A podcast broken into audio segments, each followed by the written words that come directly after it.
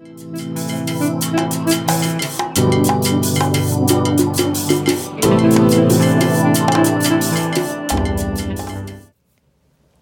tulemast taas kuulama saadet Nagu Litšereli. kätte on jõudnud viies osa ja täna on meil teemaks kirjandus ja videomängud. mina olen Joanna Liivak. ja mina olen Kette Tamman ning meil on väga hea meel, et meiega on siin täna eestlaste endi tehtud ja maailmas auhinnatud videomängu Disco Elysium üks loojatest, kirjanik ja muusik, võrratult andekas Robert Kurvits. tere, Robert! tere, mina olen Robert kuna meil on siin äh, kirjanduse podcast, siis mõeldes nendele kuulajatele, kes äh, tunnevad, et kirjandus ja videomängud on võib-olla teineteisest kaugel nagu kuu ja kuuepenniline ja sina oled kunstnikuna tegelenud peale kõige muu mõlemas neis maailmades, siis kuidas sa selgitaksid oma vaatepunkti sellisele videomängu võhikule, kas videomängud on kunst, kuidas nad muudavad kultuuri? Ja kui palju sa üldse selle üle diskuteerima oled pidanud? noh, ma võin anda sellise mm, sellise väga pealiskaudse võib-olla sellise äh, kokkuvõtte sellest, kus, kus videomängud ise selle vestlusega on. et ma ise seda ei ole pidanud pidama. kohe, kohe tuleb ka selgeks, miks ei ole. aga, aga et võib-olla videomängu võhik inimene ei, ei tea, kus on nagu, kus videomängud kui, kui meedium ja, ja industry selle nagu äh, Äh, vestlusega ise on, nad on ise selle vestlusega seal, et nad ei pea seda enam, nad pidasid selle null-nullindatele ära ja siis äh, nüüdseks on see juba nagu kuidagi gauche ja, ja koomiline on, on sellest nagu rääkida, et äh, kuskil nullindate lõpus oli päris palju mänge, millest, millest hakati rääkima kui tõendusmaterjalis sellele, et, et, et videomängud siiski on kunst ja see oli üks selline, üks võimalus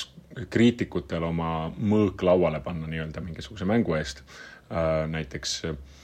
Ken Levini BioShocki eest paljud kriitikud tulid, ladusid kümme kümnest välja, ütlesid, et noh, et nüüd on näha, et, et videomängud on kunst. Aga jah, see nagu ikka asjad, mis on kuskil kümme aastat tagasi, on praeguseks selline nagu lähiretro nähtus. et äh, see vestlus on nagu, ta ei ole nii iidne, et ta oleks klassikaline vestlus ja ta ei ole nii lähine, et, et see oleks nagu current või, või huvitav või adekvaatne, et ta on just selles nagu uncanny valley's, kus, kus asjad tunduvad väga ebamoodsad ja tunamullused, ehk siis see ongi nagu iseenesest mu vastus on, et see küsimus on olemuselt videomängudes nagu aegunud. ja, ja, ja see ei ole, see ei, see ei tähenda, et selle, et jõuti tulemusele, et nad on kunst või, või ei ole kunst, vaid jõuti tulemusele, et mingid vennad vaatasid kuskile nagu seina peale, ütlesid, et aga ei ole vahet, et lähme edasi teeme, teeme mänge, et et noh, nagu see on selline teatud mingisuguse alaväärsuskompleksi vestlus, eks ju, et see on nagu ma ei tea, nagu soomlased käiksid ringi ja küsisid, kas me oleme ikka ameeriklased, kas me oleme jänkid. noh, mingi hetk nad tulevad tulemusele, et kuule, et noh, ma ei tea, et nagu võib-olla oskame inglise keelt või noh, jabur vestlus see kuidagi jätkub, et kategooriad on erinevad lihtsalt. et, et ühesõnaga jah, selline newsflash videomängu, videomängu akadeemia ja videomängu intelligentsia nagu maailmast on, on see, et see küsimus, see, sellele ei, ei ei peetud vajalikuks vastust leida, samamoodi nagu ei peetud vajalikuks vastust leida küsimusele, kas kino on kunst või ei tea, võib-olla see on üks hea, hea näide, mis kindlasti kunagi toimus, aga niisugune vestlus, aga nüüd mm, -hmm. nüüd nagu me ei mäleta, et kas üldse toimuski. aga tegelikult äh, Disco Elysium sai alguse üldse raamatust Püha ja õudne lõhn, mille autoriks oled sina, et, et ähm, seal oli tegu ka tegelikult nii-öelda maailma ehitamiskirjandusega, nagu on Jaak Tomberg seda nimetanud, et et seal ei ole sellist narratiivset keset, seal ei ole ka lõppu, vaid see lihtsalt kestab ja jätkub, ühel hetkel saab läbi ja nagu saab ka noh, arvutimäng saab ühel õhtul läbi ja saab järgmisel õhtul jälle uuesti alata sealt, kus pooleli jäi et oli sul mingisugune oma tehnika ka seda romaani kirjutades või, või mitte, et kuidas sa saavutasid selle, et need sündmused lihtsalt niimoodi voolasid ja katkematult äh, niimoodi kulgesid ja, ja, ja pigem oli selline maailma loomine ja selle avastamine? no jah, selle, selle raamatuga nagu noh, nüüd järgi mõeldes, mida ma nagu sellega tahtsin mingis mõttes teha, oli võib-olla muusikaterminoloogiat kasutades või kompositsiooni terminoloogiat kasutades, mis, mis minu meelest ähm, võib-olla nagu kui, kui mingi ükskõik mis asja kompositsioonidest rääkida, mängukompositsioonist, kirjanduse kompositsioonist eriti, siis muusika, muusika on nagu kõige komposi-, kompositsioonilisem kui, äh, inimtegevusvaldkond, ta peab ainult nagu õhulossid on ja siis sellepärast on kuidagi alati armastatud kirjanduse inimeste poolt ja minu poolt ka, siis see, mida ma Püha ja õudse lõhnaga tahtsin teha, oli intro, on see nagu LP või albumi loogikas on see intro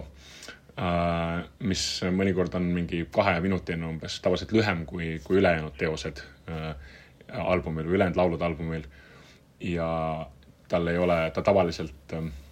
ta koosneb nagu atmosfäärilisest üminast,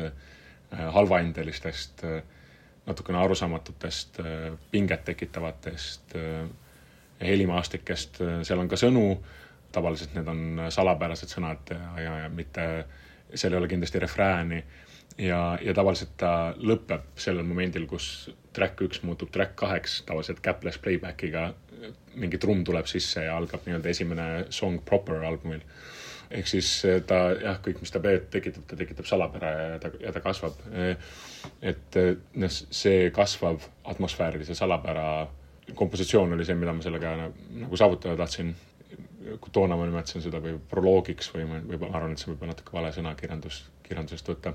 et, et see on see, mille pärast talle, tal lõpp nii-öelda puudub, et, et ta,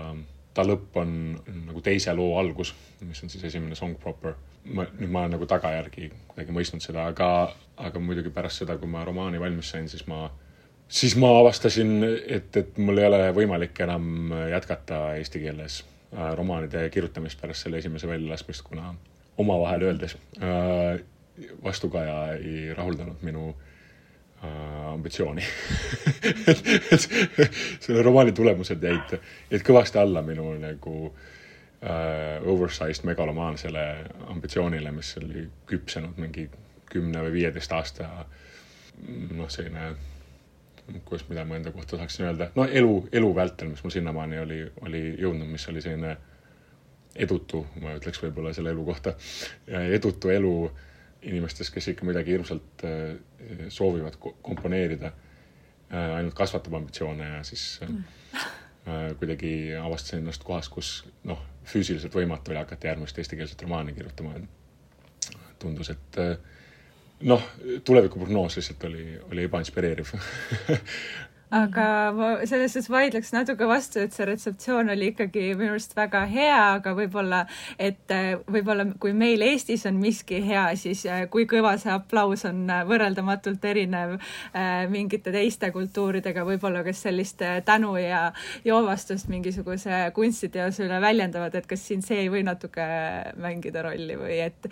eestlaste koht, noh, ikka oli seda vastuvõttu eestlased ongi sellised napisõnalised pigem. jah, sellest kirjutati ja, ja, ja, ja väga huvitavalt ja, ja ma mäletan, üks mu sõber äh, kuskil vana-aasta õhtul küsis mult ka, et aga Robbie, kuidas sulle siis ei piisa äh, kõikide oma tarkade ja toredate sõprade heakskiidust mida sul, mida sul veel maailmas vaja on? ja, ja ma mõtlesin ka, et miks, mis mul siis nagu viga on, miks mul ei piisa. noh, mõnes mõttes nagu piisaski romaani on kirjutada hästi palju, see protsess ise on siis, kui ta töötab, siis kui see, kui siis, kui selle kõige halvemad osad ei ole, ei ole, ei ole kirjanikku just tabanud, on, on äärmiselt nauditav. selline lineaarsel, lineaarsel kirjutamisel võib tekkida selline flow, äh, mingisugune kontsentratsiooniseisund, mida, mida pead kuskilt mujalt maailmast ei ole võimalik saada, kus tegelikkus ongi täiesti ära ununenud ja keha on ära ununenud ja, ja, ja kirjanik koosnebki kujutlusvõimest ainult ja, ja paragrahvidest, mis, mis ilmuvad. ja see, need ekstaasid ja joovastused, mis, mis, mis, mis noort kirjanikku tabavad siis, kui talle tundub, et noh, et e, ta iseenda kvaliteedinõuetele vastab äh, järjest nagu, kui sa saja kahekümnendat lehekülge järjest vaatad, okei okay,, ma kirjutangi romaani noh, et või noh, mina omast arust nagu kirjut-, kirjutasin seda oma, oma oma romaani ähm, definitsioonile vastasin, see, see, see oli nagu senikaua, kui see töötas ja senikaua, kuni ma sellega kinni ei olnud jooksnud, oli, oli tohutult nauditav. Äh, ja nauditav nagu sellist äh, kuidagi mingit keskaegsel viisil nagu mingi skolastilisel mungalikul viisil, mis, mis kindlasti ebalineaarne videomängu kirjutamine või programmeeritud kirjandus nagu võib-olla see, mida ma tänapäeval teen äh,, nagu ei paku äh,. Et, et mõnes mõttes on ka siis nagu õige öelda, et noh, et pärast nagu nii, nii nauditavat ja nii ekstaatilist loomeprotsessi ei olegi väga vaja, noh, suurt aplausi või ilmselt vastuvõtust, et sul on endal juba, noh, sa oled üksinda vee peal kõndinud basically oma, oma peas. naeruväärne mõtleja, see, see nagu kirjanik on inimene, kes suudab iseennast, iseenda meelt lahutada valge lehega aastate kaupa üksinda. noh, et, et kui, kui sa avastad, et see on, see trikk on sinu jaoks võimalik äh,, siis, siis noh, oleks kindlasti niisugune tunne, et, et ma olen noh, elusaladuse lahti kräkkinud, et mul just elu lõpuni fun olema seda teha. aga lineaarsel kirjutamisel on üks kohutav, kohutav, kohutav needus, mida, mida programmeeritud kirjutamisel ei ole äh,. Writer's block ei tule enam, noh, ei ole enam huvitav, ei suuda oma meelt lahutada üksinda, istud ja ei tea, mis järgmine peatükk toob, et, et programmeeritud kirjutamisel, nii nagu Vigemann ka kirjutatakse, seda ei ole. Täiesti puudub, lihtsalt millegipärast ei ole, sa töötad mingi kapitalismi mudelis äh, tarkvaraarenduse keskel. Sa võid alati kirjutada mingit teist branch'i sellest loost, teist oksa, kuidas asjad oleks teistmoodi läinud. Äh, su sõbrad kirjutavad su kõrval seda, sa võid minna toimetada nende tekste, alati on tohutu vajadus su mm. tööaja järgi. nii et seda eneses kahtlemise ja nii-öelda valge lehe passimise momenti absoluutselt sada protsenti puudub. Mm.. et see oli nagu tohutu kergendus mulle, sest psühholoogiliselt minu jaoks oli see väga vastuvõetamatu, see writer's block tunne, mida mis mind tihtipeale tabas kirjutamisest. Mm.. Mm. Aga mis, mis on veel need erinevused, et sa oled saanud ennast nagu mõlemas ametis nii videomänguloojana kui kirjanikuna proovile panna, et sellised just äh, narratiiviloome erinevused, et üks osa on muidugi see sotsiaalne osa, et see selline solitude, et äh, mis sind äh, ümbritseb kirjanikuna ja see mõtete vahetamine mm, oma noh, näiteks ummikaaslastega, et see on kindlasti selline palju nagu lõbusam mingis mõttes võib-olla, aga just selle narratiiviloome koha pealt, et, et kuidas nende maailmade loomised ikkagi erinevad? no ma enam-vähem mm, noh, võib-olla ma pean ennast veel mingisuguseks, veel veits fancy maks ja arusaamatumaks asjaks, aga ma üldiselt pean ennast ikkagi kirjanikuks ja, ja, ja seda, mida ma Äh, mida ma Disco Elysiumis tegin ja, ja, ja mida ma mängudes teen, on, on ka kirjandus või äh, kui ma kasutan samu fakulteete ja samu struktuure, mis, ähm, mida ma kirjanikuna kasutan. Äh, ehk siis minu, minu arvamust mööda see on lihtsalt noh, Disco Elysium on lihtsalt programmeeritud kirjandus, kus maastiku kirjeldused kirjaniku, iga, iga kirjaniku kõige armastatum osa kirjandusest, aga on antud äh, Äh, graphics department'ile või kunstnikule teha, ehk siis kui tegelane jalutab ühest kohast teise, kui nad ei räägi ja kui ta ei ole peatunud kuskil mm., siis see, kuidas vihma sajab ja ja kuidas hobutramm mööda läheb, on, on, on kunstnikule antud äh, teha. aga ka ülejäänud äh, need äh, see, seenid ja, ja seeni lahendamine on, on kirjandus, mis kirjandus ja vajab äh, no, noh, äärmiselt ambitsioonikat ja tead, töövõimelist äh, kirjanikku, kes lahendab seene ja lahendab, lahendab tegelasi, lahendab seda puslet, mis, mis, mis seenide kirjutamine on mõnes mõttes no, veel intensiivsemalt, kui, kui kirjandus seda nõuab, sest et sa pead lahendama äh, noh, variaableid, äh, kuna mängija võib otsustada teistmoodi kui mm. mängija, mängija Raskolnikov võib jätta nagu oma landlady'i mõrvamata ja mm -hmm. nüüd sa oled jamas, midagi huvitavat peab juhtuma ilma selleta ehk siis noh Äh, ja see peab olema sama huvitav kui, kui sellel tüübil, sellel Raskolnikovi mm. mängijal, kes nagu ära tapab ta.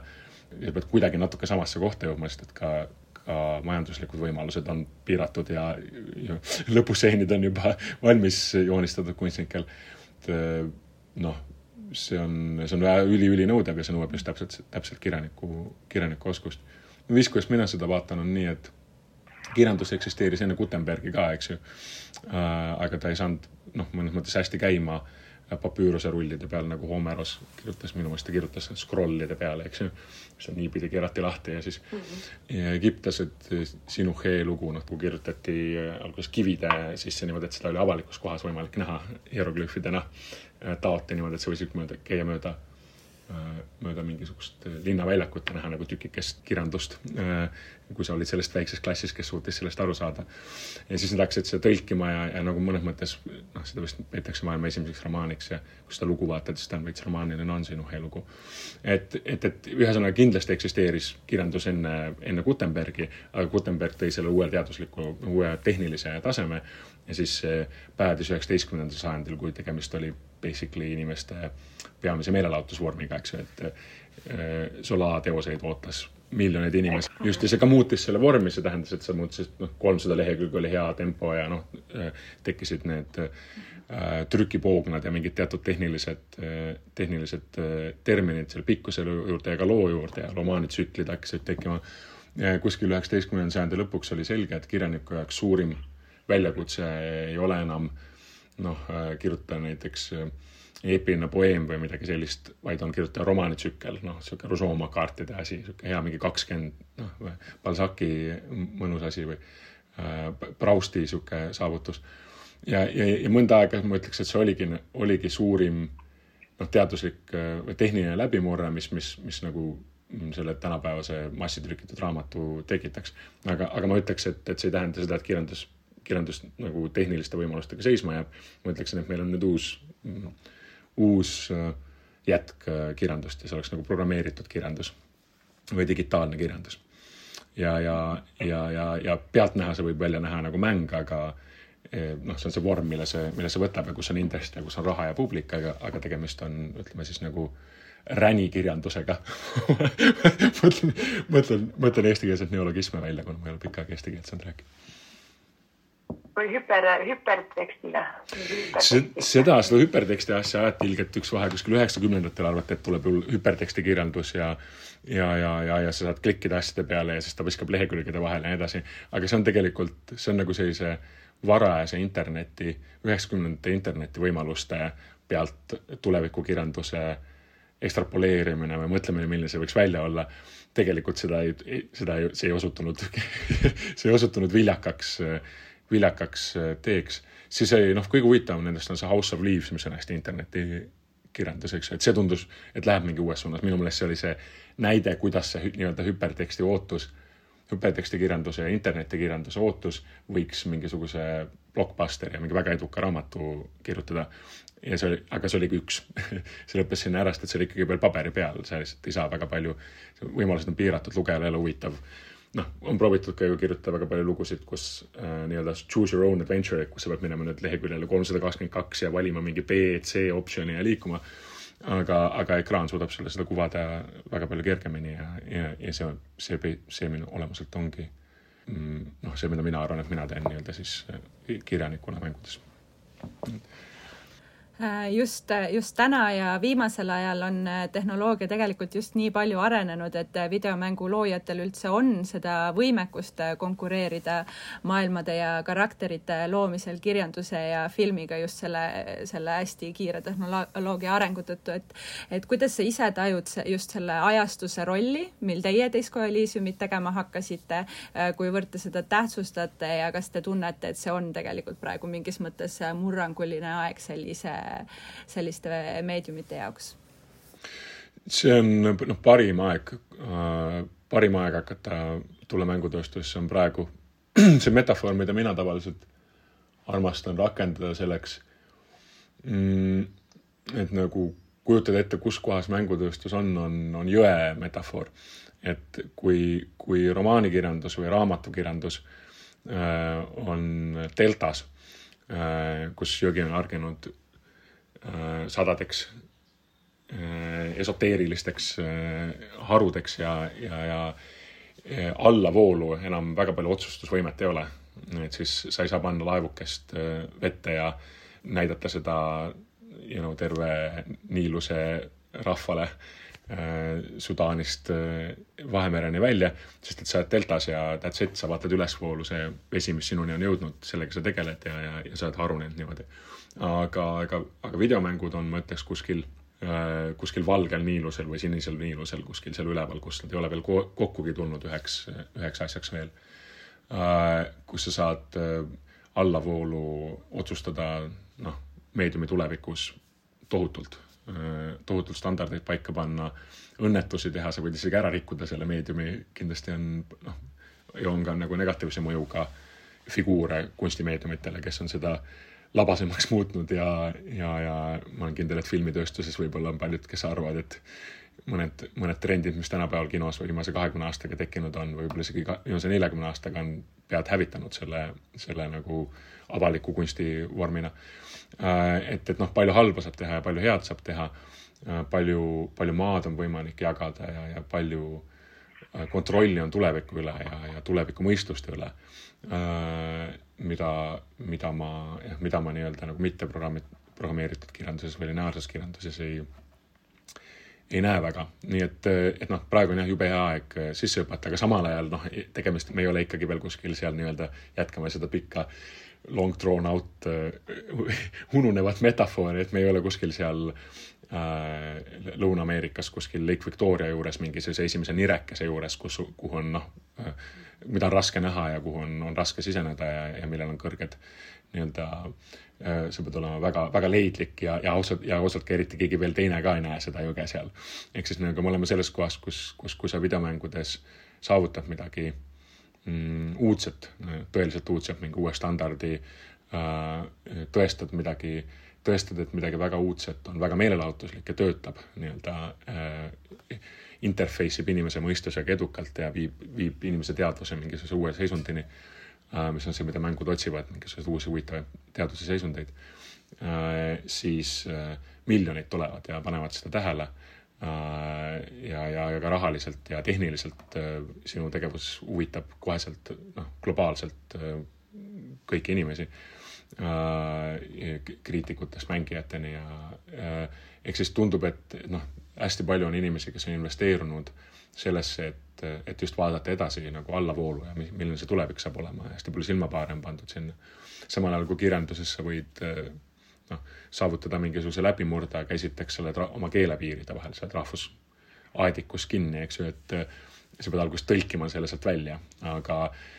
ausalt vaadates, kuhu tänapäeva kirjandus jõudnud on, need tõeliselt uh, uudsed uh,, noh, alles jäänud uudsed asjad, mida kirjanduses teha, on väga keelekesksed asjad pead tõlkimatud. Ja, ja näiteks eesti keelest vektor eesti-inglise tõlke vektor, noh, see on müür lihtsalt sealt, sealt ei, sealt ei saa seda, seda algkoodi ei saa ümber äh, tõlgendada inglise keelt ja see on väga-väga keeruline, vajab, vajab noh, tohutuid äh, et mingid tipptõlkijad ja nii edasi, kes ei tegele nagu eesti-inglise keele vektoril näiteks, ja ma kujutan ette, selliseid on veel tohutult palju veel, kindlasti on omad probleemid igal väikse, väikerahvusel, et saada oma kirjandus välja ja kindlasti seal leiab aset suuri vaimseid revolutsioone, aga nad leiavad aset vaikselt ja ja, ja, ja just noh, niimoodi deltalikult sumbuvad sellisesse suurde vaiksesse merre ära, et, et jah, mängudes on seda, mängudes on, on see justkui kellegi asi, et mängudel hästi läheks. Ja, ja, ja, ja, ja ja, kui see, kusjuures ka kõige tähelepanuväärsem on see, et kui sa ebaõnnestud mängudes, kui su mäng on bugine või nii-öelda ei tööta füüsiliselt või on halb, siis kõik panevad tähele ja noh, jooksevad üle maailma kohale ja vihkavad sind. noh äh,, CD Projekt Redil juhtus just CyberPunkiga ja ma arvan, et seda isegi mitte mängudest teatud inimesed võib-olla kuulsid, noh, kui totaalselt on võimalik hävida mängu tegemisega, et samad õudused olid meil ka, et noh, kirjanduses ka noh läks lati alt läbi, noh et katastroofi potentsiaal on ka tohutu, tohutu ja see hirm katastroofi ees on ka tohutu nagu mängude ees mm. -hmm. aga oli, oli sul mingeid ähm, selliseid ähm, hingelähedasemaid äh, selliseid osasi mängu loomise käigus, et näiteks kas äh, keskendusid sa rohkem karakteritele või, või narratiivile või, või dialoogile või, või konfliktile või millelegi muule? Uh,? no uh, me nagu sellise leivanumbrina kasutasime hästi palju uh,, hästi palju tegelasi ja, ja tegelasdialoogi, mis uh,, mis mulle tundub, et on meie nagu selline, no mis meie, vaid peab nagu iga kirjaniku tugevus olema, kui sa tahad tähelepanu hoida lugejal, huvitav tegelane, mm, hea naljakas snapi dialoog ja, ja, ja, ja see isiklik kontakt, mis sul, mis sul äh, Äh, tekib tegelastega. et, äh, et, et eks see, sellele leivanumbrile me hästi toetusime kogu aeg nagu tege-, tegelasloomele. aga, aga ei, mul kahjuks mingit ühte asja, mida, ühte kirjanduslikku oskust, äh, mille peale eriti ebaproportsionaalselt toetuda ei olnud võimalik kasutada, see mäng peab, mäng nagu Disco Elysium peab järjest hoidma inimese tähelepanu, olema arusaadav ja töötama narratiivina ükskõik, kuidas ta seda kokku paneb, ta võib panna seda erinevates järjekordades kokku ja, ja, ja huvitavatel nonlineaarsetel viisidel, aga ta peab hoidma seda tähelepanu kuskil nelikümmend kuni kuuskümmend tundi. et see on, see on hirmus pikk aeg, et vastutada teise inimese mõistuse eest. ja, ja kirjanikuna sa paned, las sa, me lasime nagu lihtsalt kõik, kõik, kõik mängu, mis, mis, mis me kirjanikuna teame sellest, kuidas hoida inimese tähelepanu. ehk siis noh Äh, debiilsed, ropud naljad, äh, absurdsused. Äh, Disco Elysium on praktiliselt see unustatud nullindate stoner komöödia Dude, where's my car, kus mingi Ashton Kutcher ärkab hommikul üles, on nii kõvasti joonud, et ei mäleta, kuhu tema auto on pannud. et, et Disco Elysium on minu arust üllatavalt palju te tegemist selle filmiga, ma ei ole muuseas vaadanud seda filmi, aga mulle tundus, et see oli noh, see ilgelt müüv hukk oli loo jaoks, nii et igasugused hukid, algsed hukid, kuidas panna sind tundma oma tegelasena ja oma tegelase sees, äh, mis on ka kirjanduses, kui sa paned lugeja tundma, noh, nii-öelda raamatukirjanduses lugeja tundma ennast näguse peategejana, siis sa oled saavutanud mingisuguse väga täpse connection'i uh,. ehk siis ühesõnaga kõik pidi käima laskma ja ka, ja ka selline süžeeline struktureerimine, et uh, kui, kui see lugu ei töötaks nii-öelda uh, järjepideva sellise page-turner mõrvamüsteeriumina äh, siis ka noh, see kukkus kokku, et äh, ta ei ole nagu, ta ei ole, ta ei ole näiteks lintšilik lugu, kus on sellised äh, põnevad tegelased, kellega kohtutakse sellistes omavahel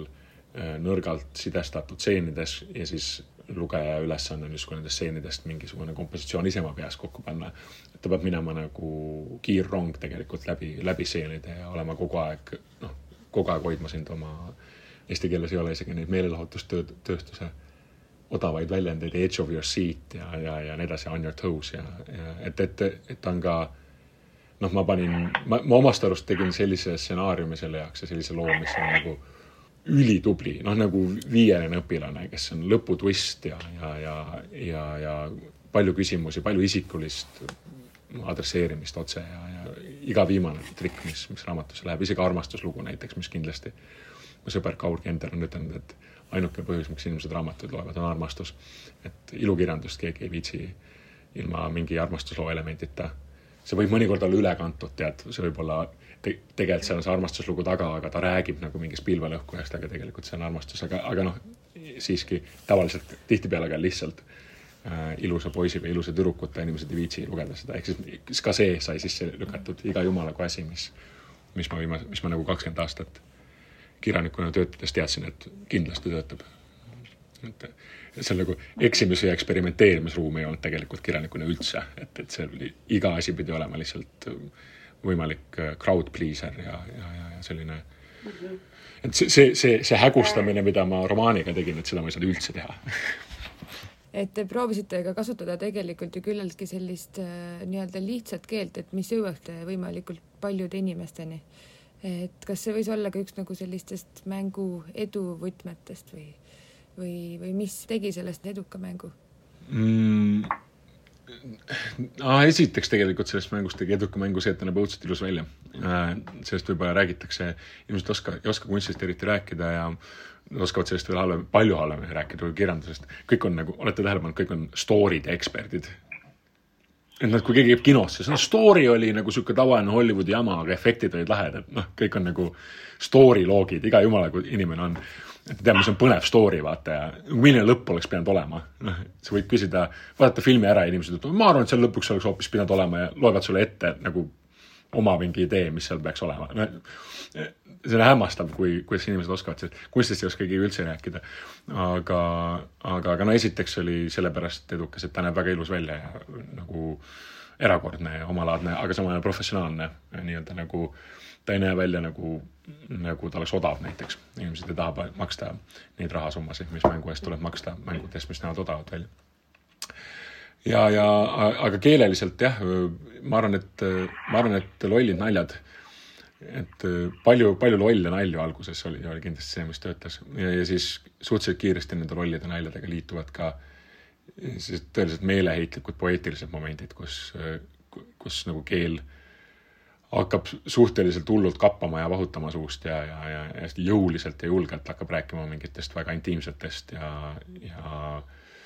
ja emotsionaalsetest asjadest, mida tavaliselt mängudes ei, ei kuule ja mida isegi kirjanduses on raske nagu nii kiiresti ja nii intensiivselt hakata saama, kui kui mingid Harry kogemused oma, oma eksnaisega seal päris kiiresti hakkavad, hakkavad lahti hargnema äh,. et, et noh, ma arvan, et see andis selle nagu substantsi või selle ootamatu lisaasja sellele, aga üldiselt ma arvan, et see on ikka dude, where's my car, miks, miks see töötas ärkad mingi noh, sopp joobes mendina üles ja hakkad täiesti absurdseid asju ütlema nagu noh, odavad naljad nagu Hobokop selle pealt ma, selle pealt ma arvan, see on see, mis ja ilus nägi välja, et need kaks asja garanteerivad edu rahvusvahelisel kultuuriturul aga oli mõni karakter ka, kellega sa iseennast kõige rohkem äh, samastad või, või olid mõned tuttavad või sõbrad, kes said, äh, kellest võtsid inspiratsiooni nende karakterite loomisel? Äh, ja, ja hästi palju on, hästi palju, hästi palju erinevaid, erinevaid arhetüüpe on kirjanik ikka liigutab li,, kombineerid sõpru, kombineerid tegelasi, kombineerid iseennast ja, ja, ja ja üritad alati tunda, tunduda nagu sa teaksid, millest sa räägid selle tegelasena. mõtlen nüüd, kui palju, no kindlasti ühe sõbra järgi on, on kirjutatud äh, Gart the cafeteria manager äh,. et mul on üks sõber, kes äh,, kes ainukene inimene, keda ma tean, kes on töötanud äh, cafeteria manager'ina äh,. Aga noh, tegelikult äh, noh, ka lihtsalt leti taga äh,. kusjuures ma ei ole sada protsenti kindel, aga ma lihtsalt kuulsin üks vahe, et lugu, lugu noh, jutud käisid, et ta on juba aasta aega Tartus töötanud sellena. ja siis ma, mulle lihtsalt tundus, et see on nagu hea naljakas äh, äh, töökutse talle. ja siis äh,, ja siis, kui oli aeg, kui, kui äh, deadline hingas kukile ja, ja aeg oli, oli suur äh, budget kuidagi mingisuguseks töötavaks meelelahutustootleks muuta kiiresti, siis, siis ma pidin haarama niimoodi, mis iganes krabama, mis letilt tuli ja siis ja siis ma, ja siis ma võtsin, äh, võtsin mõned vana sõbra manerismid ja, ja, ja loodetavasti nagu ei valmistanud talle häbi, ma ei tea, kas ta ise on seda, sellest tähele pannud, ma jätan nime välja ütlemata, aga, aga, aga kindlasti, mulle tundub, et ma loodan, et ta on mänginud ja, ja ta on ennast sealt ära tundunud. siis äh, no nii Harry kui Kim on peategelane ja siis peategelase peamine semu nii-öelda on on, on tegelikult algselt mõeldud ähm, äh, nii-öelda nagu pen and paper mänguna või, või rollimänguna, rollimängu õhtuna või nagu ma kirjanduse kõrvalt ka tegelen nii-öelda DM-imisena äh,, mis on nii suur can of worms, et seda on raske selles intervjuus ilmselt lahti võtta, aga aga nad on mõeldud tegelastena sellise Dungeons and Dragonsi laadse äh, nagu lauamängu õhtuna äh, ka kahele mu, mu sõbrale.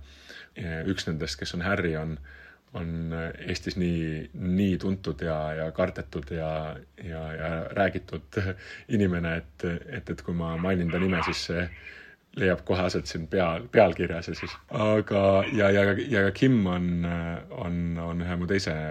teisele sõbrale äh, mõeldud. ja, ja ta on natukene modelleeritud selle järgi, kuidas ma, kuidas ma nendele sõpradele tahaksin nagu Dungeons and Dragonsi laadi Elysiumis niimoodi, nagu meie seda teeme äh,, mängu teha ja mis sobiksid nende tegelastega ja mis oleks neile kohutavalt naljakas nagu avastada, et nad on minu peas nagu nende tegelastena mõeldud. iseenesest ma kirjutasin selleks äh, mängu lõpu desertööriks mm, ta, tal on, tema, tal on matronüüm, mis ilmselt venelased on mulle rääkinud, et on täiesti kõik vale ja, ja oleks üldse absoluutselt mitte see, kuidas seda öeldakse, aga aga mulle meeldib arvata, et, et see oleks nii äh,. on ema nimi, nagu venelastel on tavaliselt isa nimi, on Liljanovitš ja mu, mu enda ema nimi on Lilian äh,. siis äh, seal ma sain välja elada oma oma nagu selliseid stalinismi, stali-, stalinistlikke ilminguid ja äh, ja, ja võib-olla mingisuguseid äh, tumedamaid osasid. nii et võib-olla jah, ma näen ennast võib-olla kõige rohkem, kõige rohkem deserter'ina äh, nendest äh, tegelastest. Äh, rääkides natuke veel karakteriloomest, siis ähm, kas reaalselt käies läbi kõik need äh, erinevad äh, variandid, milliseks see karakter võib kujuneda, et on see sind ennast teinud niimoodi pare-, veel paremaks psühholoogiks kui enne kirjanikuna? oled sa ehk oma elu sarnases võtmes hakanud analüüsima, mänginud peas läbi paljusid võimalikke elusid, mida sa oleksid võinud siiani elada uh,? ei, ei, ei ilmselt mitte, kuigi te-, noh, muidugi sellesse peategelasse pidi ka aatrit laskma nii palju, kui võimalik on ja nagu ennast prostitueerima niimoodi, nagu kirjanikud peavad oma elu ja oma, oma, oma õnnestumisi ja ebaõnnestumisi, peamiselt ebaõnnestumisi ja valusid äh, peategelastesse valama, et nad tunduksid tõelised ja, ja äh, et äh, sinna sai, sai laotud erinevas kõverpeeglis päris palju. ütleks võib-olla rohkem, kui ma kirjanikuna või, või loojana enne seda mm, tegelaskujudesse panin, mulle meeldis võib-olla natukene suuremat distantsi hoida tegelastest ja, ja rohkem nii-öelda hämada ja, ja, ja mitte, mitte nii, nii rängalt omaenda psühhopatoloogiaid turule äh, tirida, kui, kui, kui Harrier Dubois on, aga eks ma, eks mul niisugune kujutlus oli, et ma äh, mingisugusel kursil olen oma eluga ja, ja kui ma, kui seda veel jätkaksin võib-olla mingi viisteist, kuusteist aastat mm,, siis, siis ärkaksin üks hommik Whirling in Ragsis üles ja, ja oleksin oleksin, oleksin endale mutton chop'id kasvatanud ja, ja, ja, ja, ja röökinud uh, I don't wanna be this kind of animal anymore karaoke saatel nagu noh, groteskselt ekstrapoleeritud, aga üks, üks tähelepanuväärseid asju selle peategelase juures on ja selle mängu juures on see, et see nagu tõesti, tõesti, tõesti liialdab ja, ja, ja loob äärmuslikult koomiliselt ja, ja kuidagi võib-olla isegi mingis mõttes eestlaslikult tumekoomiliselt äärmuseni lükatud kujutluse sellest, kuidas äh, inimesel on kurb ja nõme olla et, et lihtsalt noh, sinna on valatud lihtsalt iga naeruväärne, armetu, ebaõnnestunud, nõme asi, mis noh, mis üldse saab inimesel juhtuda sellesse peategelasse. ja ta ei ole ise selles süüdi ka, ta ei mäleta oma eilset joomat, nii et ta ei mäleta alguses, kes ta on. aga seal on lihtsalt mingid momendid, noh, sa oled politseinik ja sa oled oma püssi ära kaotanud ma ei tea, kus mu püss on sellest ei lähe enam halvemaks sest ei ole võimalik halvemaks äh,. et see on lihtsalt noh, nagu igal nurgal jooksevad tal järgi nagu iga Euroopa äh, üheksakümnendate äh, siuksed kõige kohutavamad agulilapsed ja, ja, ja karjuvad talle noh, äh, sõnu, mida, mida läänes ei ei tohi podcast ides ütelda kui sa tahad oma karjääri säilitada äh, agressiivselt äh, iga nurga peal, kõik üritavad võimalikult alla tõmmata ja, ja siis peab kuidagi ennast üle, ülal hoidma selle, selle tegelasena, et, et noh, oma, oma elukogemust me kõik, kes me seda mängu kirjutasime, panime sinna oma alandusi ja, ja, ja, ja, ja selliseid väärituid momente, mis, mis elusaatusel inimest tabavad, me väänasime sinna tühjaks miljonite naeruks et miljonitel mõnus oleks, oleks hambasse naerda endale eh, nii palju, kui tuli, jah. aga on teil mingeid äh, sinul või siis teistel, kes kirjutasid äh, peamiselt sinul, on mingeid lemmikautoreid, kirjanikke või, või ka mingeid lemmikmänge, millest sellist nagu inspiratsiooni saite? Ja mingeid selliseid nippe või, või stiile või, või vorme, vormi mingeid näiteid. vormi, vorminäiteid võtsite või midagi muud mm,? jah, meil on mm,, meil on neid palju, ma arvan, et meil, meil on selline, Saumil on selline mm, hästi vanamoodne kirjeldusmaitse, nagu kindlasti vanamoodsam kui, kui, kui Eestis mm, raamatukirjanduses kombeks on, kus on, kus kasutatakse väga palju mm, ebaformaalseid struktuure, väga palju sellist ähm, äh, mina-kõne mm,, väga palju isikulist äh, sellist äh, confessional üleskirjutuslikku ebaformaalset kirjutamist, et äh, me oleme sellised ähm,, vaata, ma näen, ma näen, ma näen imetillukest pilti iseendast ja ma olen muutunud üheks nendest Queen'i albumi kaane Bohemian Rhapsody Bohemian Rhapsody äh, kahe värvi lahingutest, seal on päike loojumas varsti või õhtu taevasse jõudmas. aga jah, ühesõnaga meil on hästi formaalsed ja ranged äh, kirjandusideaalid tegelikult, me oleme, mina isiklikult olen suur Emile Zola fänn ja ma ütleks, et Disco Elysiumil võib-olla kõige olulisem, olulisem mõju minu jaoks on, on, on äh, söekaevurid oma lihtsalt siis kappava süžee, aga samal ajal ta räägib ka streigist tegelikult nagu Disco Elysiumi maailma, maailmas on see peamine pinge väljaspool peategelast ennast on, on, on klassikonflikt ja, ja streik, aga äh, ja, ja ka, ja see naturalism ja, ja see füüsiline tunnetus, et tegelased on kõik seal olemas ja kõik, mida nad tunnevad ja kõik, mida nad neelavad enda sisse õhu näol ja ja nii edasi, on kõik, on, on kõik, on kõik solaalt uh,. siis ka sola see söökaevrites see, et lõpp, näiteks murdelises stseenis pöörab ta oma sama meisterliku kirjutamisoskuse inimese asemel loomale ja räägib, kuidas kaevandushobune hullub ja mäletab mingit lapsepõlve valgussähvatust ja siis kappab mööda veest täituvaid kaevandusšahte. uskumatu kirjeldus, kuidas hobuse keha väändub, mis ta kirjutas seal. et, et samamoodi Disco Elysiumis on ka lõpus oluline moment, kus loom tuleb mängu. kus looma pilgu läbi räägitakse inimeses, inimeseks olemist äh,. Küll mitte hobune, ma ei hakka spoilerit rohkem viskama äh,. minul on palju-palju äh,, palju söögavarite äh, mõjutusi ja Helen Hinperel äh, ka hästi-hästi äh, olulisi osasid sellest mängust lõpuks kohale toimetanud äh, kirjanikul, kes näiteks kirjutas Working Class Womani äh, quest'i üks kõrvalquest, mis on üks mu lemmik kõrvalquest'e äh, RPG-des. Quest on RPG-s niisugune storyline, okei okay,, ma ei hakka neid tehnilisi termineid töötama et, et see working class woman on, on ka hästi solaalik ähm, äh, selline äh, naistegelane, kes söökaevurites on neid äh, äh, nii mõnigi ja, ja sola lugudes tuleb korduvalt äh, esile. terve see lugu sellest äh, abikaasast, kes on kukkunud ja, ja, ja kuidas ta joodikust abikaasa on kadunud, on ka väga Lassamarist ja väga solaalik äh, lugu. Ja, ja ka terve selle äh, mängu setting sellises tuhat ühe, tuhande kaheksasaja seitsmekümnendate ja tuhande üheksasaja seitsmekümnendate vahel asetsevast kuidagi Prantsusmaa äh, või frankofoonsest keskkonnast on, on Salast äh, tulnud kolmanda republiku Prantsusmaalt mm,. et see worldbuilding on ka tugevalt, tugevalt Prantsusmaalt läbi Sola äh, võetud. ja siis äh, üks teine meie kirjanik, Argo Tuulik,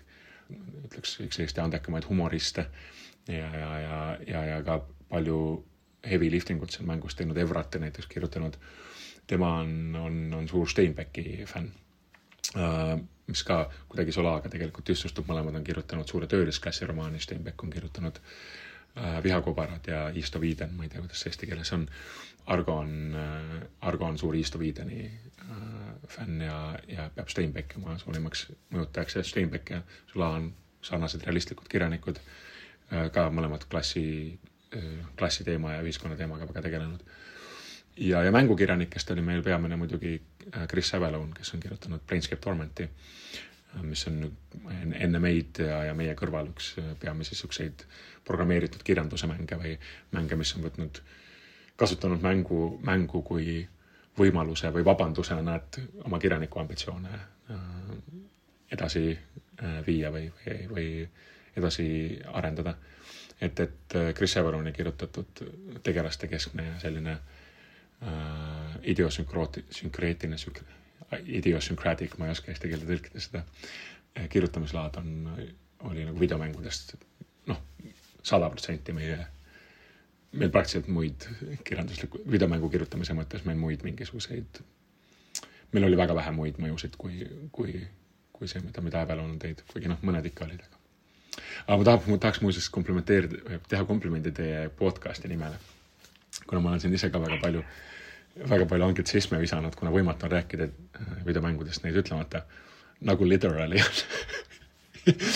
podcast'is on naljakas nimi on noh, ülioluline, eks ju, et noh, mõnes mõttes see on juba üheksakümmend protsenti podcast'is, kui see on hea naljakas nimi.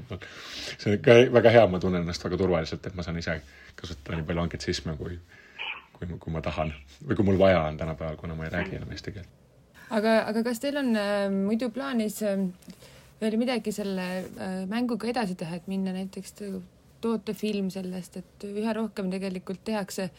sellise nagu äh, mudeli põhjal, et enne tehakse mäng ja siis film, kuigi klassikaline mudel näeb võib-olla vastupidist ette pigem mm. -hmm. see mudel oma olemuselt on, on, on IP või intellectual property keskne mudel, kus mõeldakse alguses välja maailm või mingisugune objekt, mingi abstraktne olend, mingi asi, mingi, see on tavaliselt sõnade ja seoste kärg ja, ja tihtipeale ka copyrightable. sellele saab ka copyrighti välja võtta.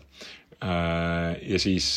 mingi ühe asjaga see tutvustatakse, raamatu, mängu, ükskõik millega, aga siis saab hiljem teistesse meediumitesse kandma hakata ja see, kes seda copyrighti omab, on selle kasusaaja, J.K. Rowlingu struktuur näiteks. et, et noh see on ka kõik, mis ma saan sellele küsimusele vastuseks ütelda, sellepärast et olles äh, videomängudisainer palju töötanud ja intervjuusid palju andnud, ma olen äh, valusalt, valusa õppetundi, tunni õppinud, et tulevikuplaani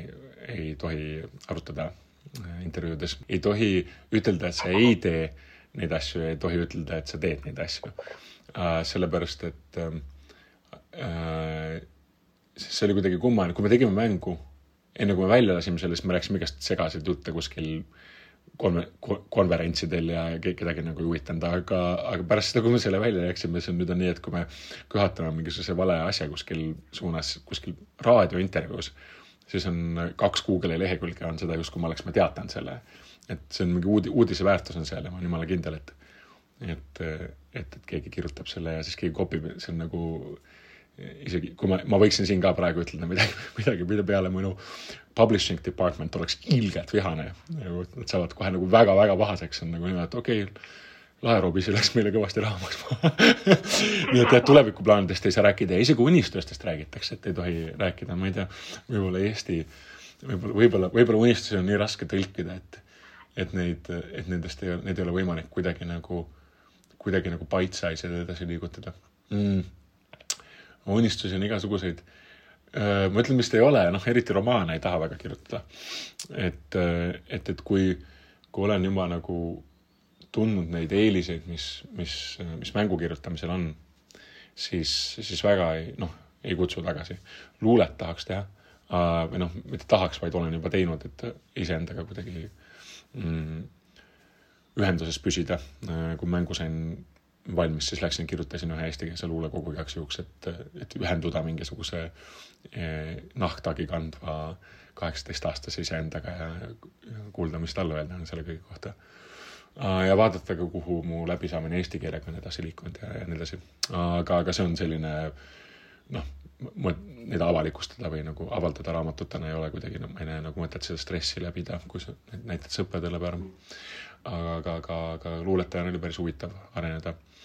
aga jah, romaan väga ei kutsu, kindlasti tahaks mängudes edasi teha. Need, ähm, need eelised, mis mängu kirjutam-, kirjutamisel on, on tohutud ja ma tahaks ka nagu, ma ei tea, Eesti kirjanikele või, või teile teie sõpradele nagu mm, noh, utsitada teid äh, ja, ja, ja, ja, ja, ja kuulajaid äh, proovima oma äh, oma unistusi ja oma, oma fantaasiavilju tõlgendada mängudeks ja, mängutööstuse objektideks.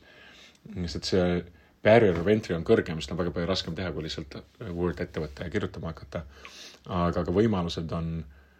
on, on tohutud. ma olen vist teinud mingi lühikese, ma mäletan, ma tegin kunagi lühikese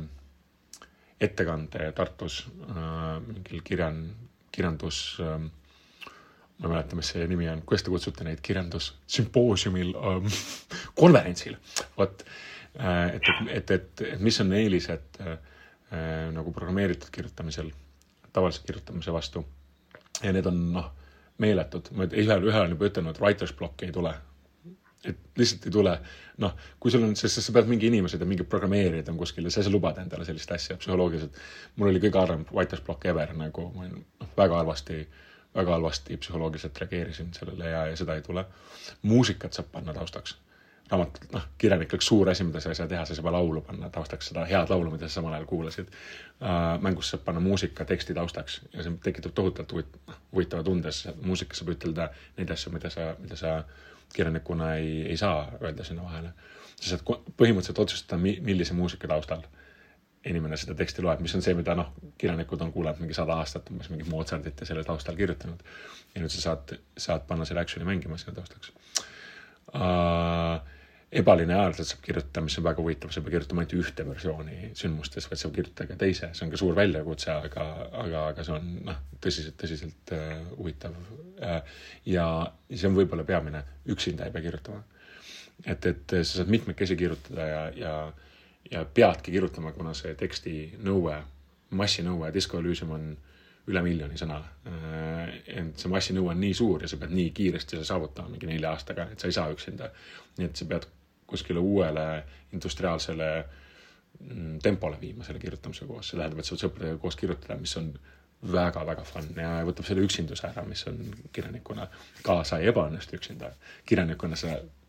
pärast raamatut seisad sellega, sul üksinda, sinu nimi on sinna peale kirjutatud ja sihuke kummaliselt egomaniakaalne ja üksik on olla. mäng tuleb välja, sinna on kirjutatud selle mängu nimi ja, ja sinu stuudio nimi ja see ka, kus sõber tuleb kõrvaltoast ja on mingi naljaka uue tegelase kirjutanud ja, ja see on nagu sinu saavutus ja sa loed seda nagu sa oleks ise kirjutanud selle. et, et see kamraadlus, mis tekib kirjutades neid tegelasi koos, on, on erakordne ja, ja, ja, ja, ja, ja, ja noh, noh, sellele lähedale saab võib-olla mängides um, ja pead samasuguse tunde saab mängides tabletop rollimänge, mida ka kirjanikud tihtipeale teevad, võib-olla Eesti ulmekirjanikud ka. et, et koos nagu tegelastele, tegelasi luua. et, et noh, noh ja siis viimasena võib-olla ka ütleksin, et turg, mis on lihtsalt noh, mõõdetamatult suurem ja, ja, ja avaram. et, et miinuspooled on see, et eelarve peab olema ilmselt suur mm,, palju stressi rohkem ja, ja see kokkupuude kapitalismiga on väga palju valulisem ja, ja hirmsam kui, kui, kui romaanikirjanikuna. aga, aga noh, mina ütleksin, et see on kindlasti kõik, nagu kõik need vaevad on seda, seda väärt, kui, kui mängu valmis saada aga kui sinu äh, romaan oli selline mm, sissejuhatus siis äh, videomängumaailmasse ja nüüd äh, ringiga tagasi minnes, et järgmine asi võib-olla, mis ka Ante vahele saab, ei ole siis proosateos, aga näiteks luulekogu, siis kuidas omakorda see videomängu kirjutamise kogemus seda sisse juhatab või kuidas ta seda kirjutamisprotsessi, mis on juba lõpule jõudnud, ma saan aru, mõjutanud on? no mul on, mul on luulekogu nii-öelda nagu selline eluluulekogu või ähm, noh, nagu Mait Vaikul oli äh,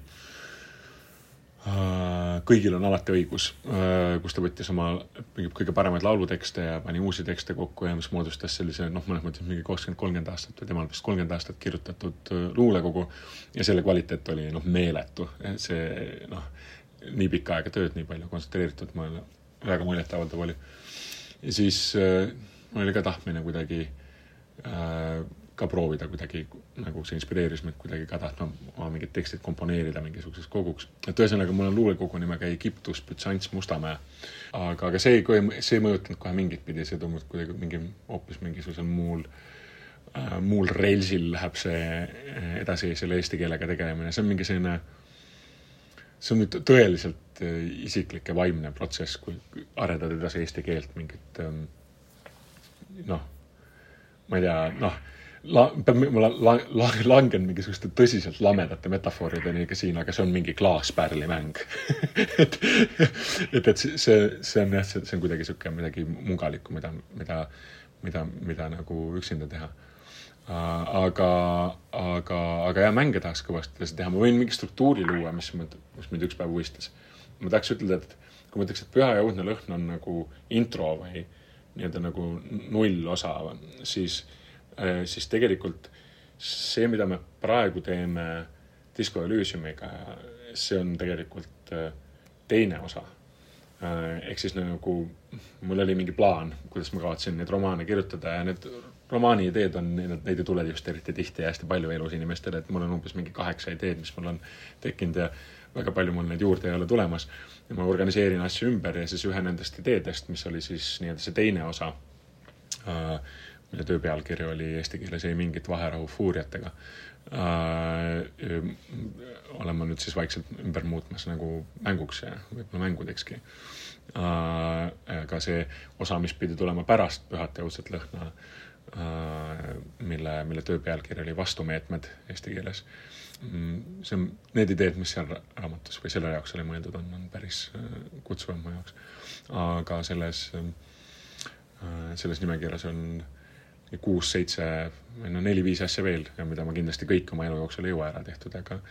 nüüd on juba nagu poolteist ära tehtud neist võib-olla midagi siukest siis. et, et, et see on see, mida ma Elysiumi projektiga kavatsen teha ja selle maailmaga, mis, milles raamat ja, ja mäng leiab aset sa enne juba natuke puudutasid seda videomängumaailma ressursside poolt. Mm, sa oled kunagi öelnud, et lauamängud, kus on palju väiksemad eelarved, on sageli innovaatilisemad ja Disco Elysiumidki on heas mõttes võrreldud lauamängudega. aga mis sa teisalt arvad, et kas sellised piiramatud ressursid võivad loomingule hoopis pärssivalt mõjuda? Nad on, nad on tegelikult jah, just, just, nad ongi mitte piiramatud, nad on piiravad ressursid. Et, et nad on nii suured, raha mingist punktist läheb nii suureks,